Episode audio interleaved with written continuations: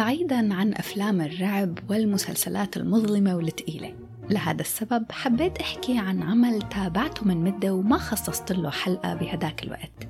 ولكن بعتقد أنه صار الوقت المناسب بهدف تعديل ال mood وتلطيف الأجواء. المسلسل هو Upload على الأغلب ما كتير من الأشخاص سمعوا فيه لأنه بالأصل ما انحكى عنه كتير وكمان ما انعرض على نتفليكس قبل ما تفكروا أني عم أقول لازم كلكم تحضروا. لا اسمعوا الحلقة لتعرفوا إذا كان العمل من ذوقكم وعلى مودكم يلا مع بعض لنتعرف أكثر على مسلسل أبلود وشو يلي بيجعله عمل حلو ومشجع للمتابعة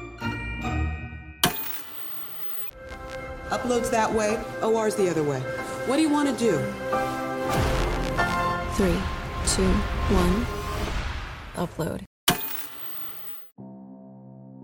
مسلسل Upload هو عمل خيالي كوميدي ببعض الأحيان وغامض بأحيان تانية. عرض على Amazon Prime العام الماضي بال 2020 لوقتنا الحالي مكون من موسم واحد فقط فيه عشر حلقات. المسلسل تجدد لموسم تاني بعد أسبوع من عرض الموسم الأول لأنه لاقى ضجة كتير كبيرة من قبل المشاهدين. الحلقات فيها شوية مشاهد للكبار فبحس إنه بيناسب المشاهدين فوق ال 18 قبل ما أبدأ بالحكي عن رأيي بالمسلسل وأعمل على مراجعة العوامل يلي فيه خلينا نتعرف أكثر على الفكرة العامة. بالفكرة العامة لمسلسل أبلود فهو بتدور أحداثه بالمستقبل بوقت التطور التكنولوجي والذكاء الاصطناعي بيوصل لمرحلة متقدمة جدا وبيخترعوا تقنية جديدة بتمكن الأشخاص من العيش بعالم افتراضي بعد موتهم وبتم هيدا الأمر من خلال عملية اسمها أبلود يلي هي انتقال العقل الواعي للشخص إلى جنة افتراضية من اختيارهم. هلا هي الفكرة العامة ولكن المسلسل بنفس الوقت ومن خلال القصة بيتطرق لأمور مهمة تانية مثل درجة تأثير التكنولوجيا على حياتنا وقراراتنا وأفكارنا. وعلى أمور تانية كمان رح أحكي عنها خلال الحلقة. هلأ لكون صريحة معكم ما رح ركز بهيدا الحلقة على نقاط الضعف. ليش؟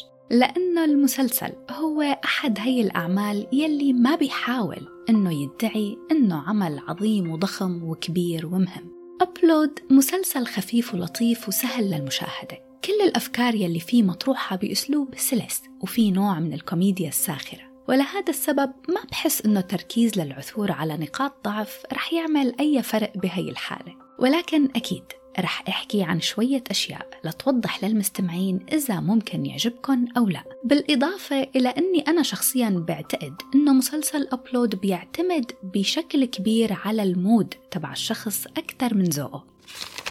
قبل ما فوت بهيدا الحكي كله خليني خبركن شوي عن الأشياء يلي عجبتني بهيدا المسلسل.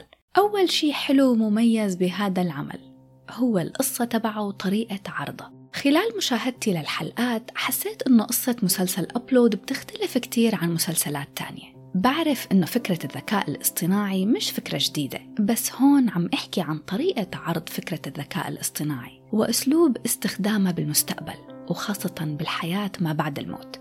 هيدا الفكرة شفتها مرة من قبل بحلقة من حلقات مسلسل Black Mirror بعنوان San Junipero وواحدة من أجمل حلقات Black Mirror يلي حصلت على تقييم كتير عالي من المشاهدين. هلأ بحالة مسلسلنا لهي الحلقة في شي تاني كمان حسيته ميز القصة وطريقة عرضها. وهي أنه صحيح القصة فيها نوع من السوداوية بسبب تناول موضوع الموت والحياة ما بعد الموت.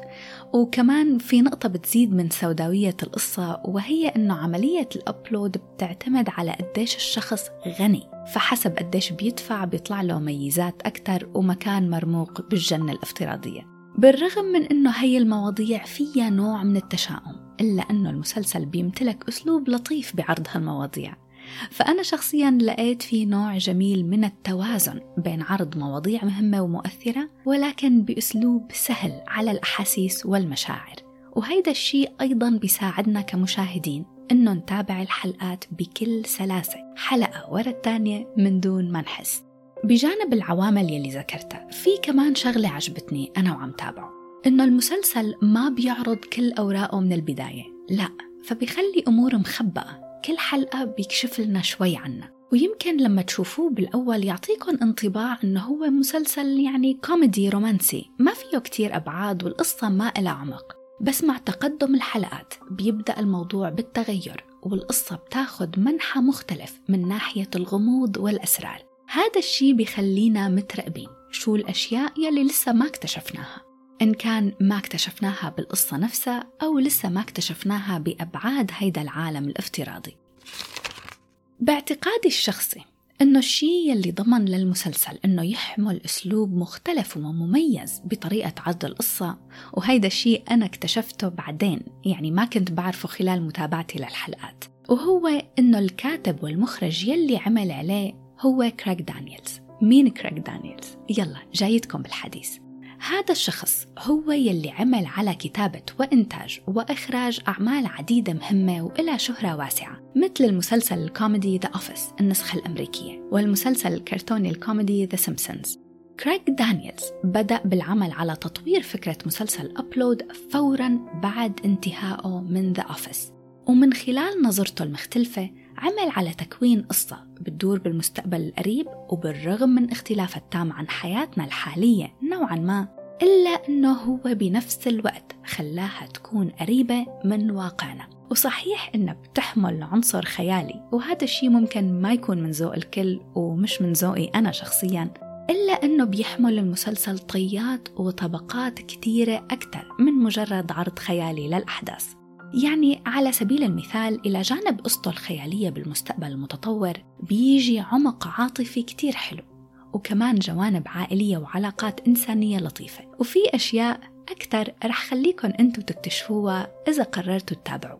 بما أني ذكرت عن العمق العاطفي بحب أني أتطرق للنقطة الثانية يلي حبيتها وعجبتني وهي الكاريزما بين البطلين وحلاوة تمثيلهم مع بعض.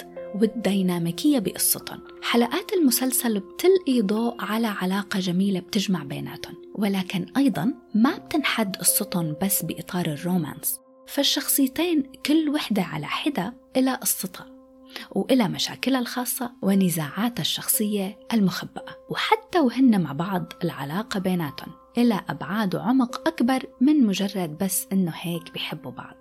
آمل ممثل روبي آمل. بتجسيد شخصية بطل القصة نيثن براون. هلأ أنا ما بعرف عن هيدا الممثل من قبل وما بعرف شو أدواره التانية بصراحة.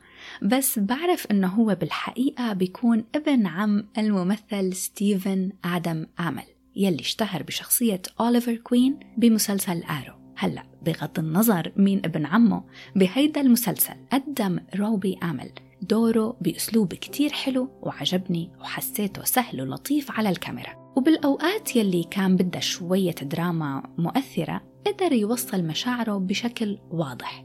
إلى جانبه أدت دور البطلة نورا أنتوني الممثلة أندي آلو. كمان ما بعرفها من قبل بس المهم إنه بهذا المسلسل أتقنت دورها وكانت مقنعة بكل مشاهدها. في شخصيات تانية وممثلين تانيين. كان لهم ظهور كتير حلو بصراحة. ومن دونهم ما كان كمل العمل. لأنهم بيعملوا بشكل كبير على تقديم مواقف كوميدية مسلية ومضحكة Hello, Nathan. Ten fingers and toes? Pretty seamless. This is the first day of the rest of your afterlife. بما أنه قربت أوصل لآخر الحلقة مثل ما ذكرت بالأول إنه مسلسل أبلود بيعتمد بشكل كبير على المزاج أكثر من الذوق هيك أنا حسيت بصراحة. يعني إذا الشخص جاي عباله يحضر شي خفيف وسهل من دون كتير تركيز وبنفس الوقت حابب يحضر شي بيحمل معنى وقصة وغموض فبنصحكن إنكن تعطوا هيدا المسلسل فرصة. برجع بعيد. إنه حتى لو كنتوا من الأشخاص يلي ما بتحبوا الأعمال الخيالية بأكد لكم إنه Upload مش عمل خيالي بحت. من هيدول الأعمال الخيالية يلي كتير معقدة ولازم نفهم كتير تفاصيل لنستوعب شو عم بيصير. لا Upload الشيء الخيالي الوحيد يلي فيه هو فكرة ال upload نفسها. أما كل ما تبقى فهو قريب كتير من حياتنا الحالية وسهل إنه ينفهم. هذا بالإضافة. إلى أنه المسلسل فيه نوع من الكوميديا المختلفة ساخرة ببعض الأحيان وبأحيان تانية بتلطف ال mood وبتعدل المزاج. بحب كمان زيد نقطة صغيرة إنه في حبكة داخل القصة ما رح أذكرها مشان ما يكون في spoilers بس القصة فيها حبكة ذكية ومشوقة ببعض المواقف فاجأتني. بالأخير بدي نبه من شغلة إنه نهاية هيدا الموسم فيها cliffhanger يعني القصص ما بتنتهي وما بتتسكر. لأنه في موسم جديد قيد الإنتاج ورح يكملوا هيدا القصص من خلاله. مسلسل أبلود حاصل على تقييم 8 على IMDb و88% على Rotten Tomatoes شكرا لكل الأشخاص يلي عم بيرافقوني بحلقاتي. بتمنى أنه هيدا الحلقة تكون عجبتكم وبشوفكن بحلقة جديدة ومسلسل جديد. باي باي.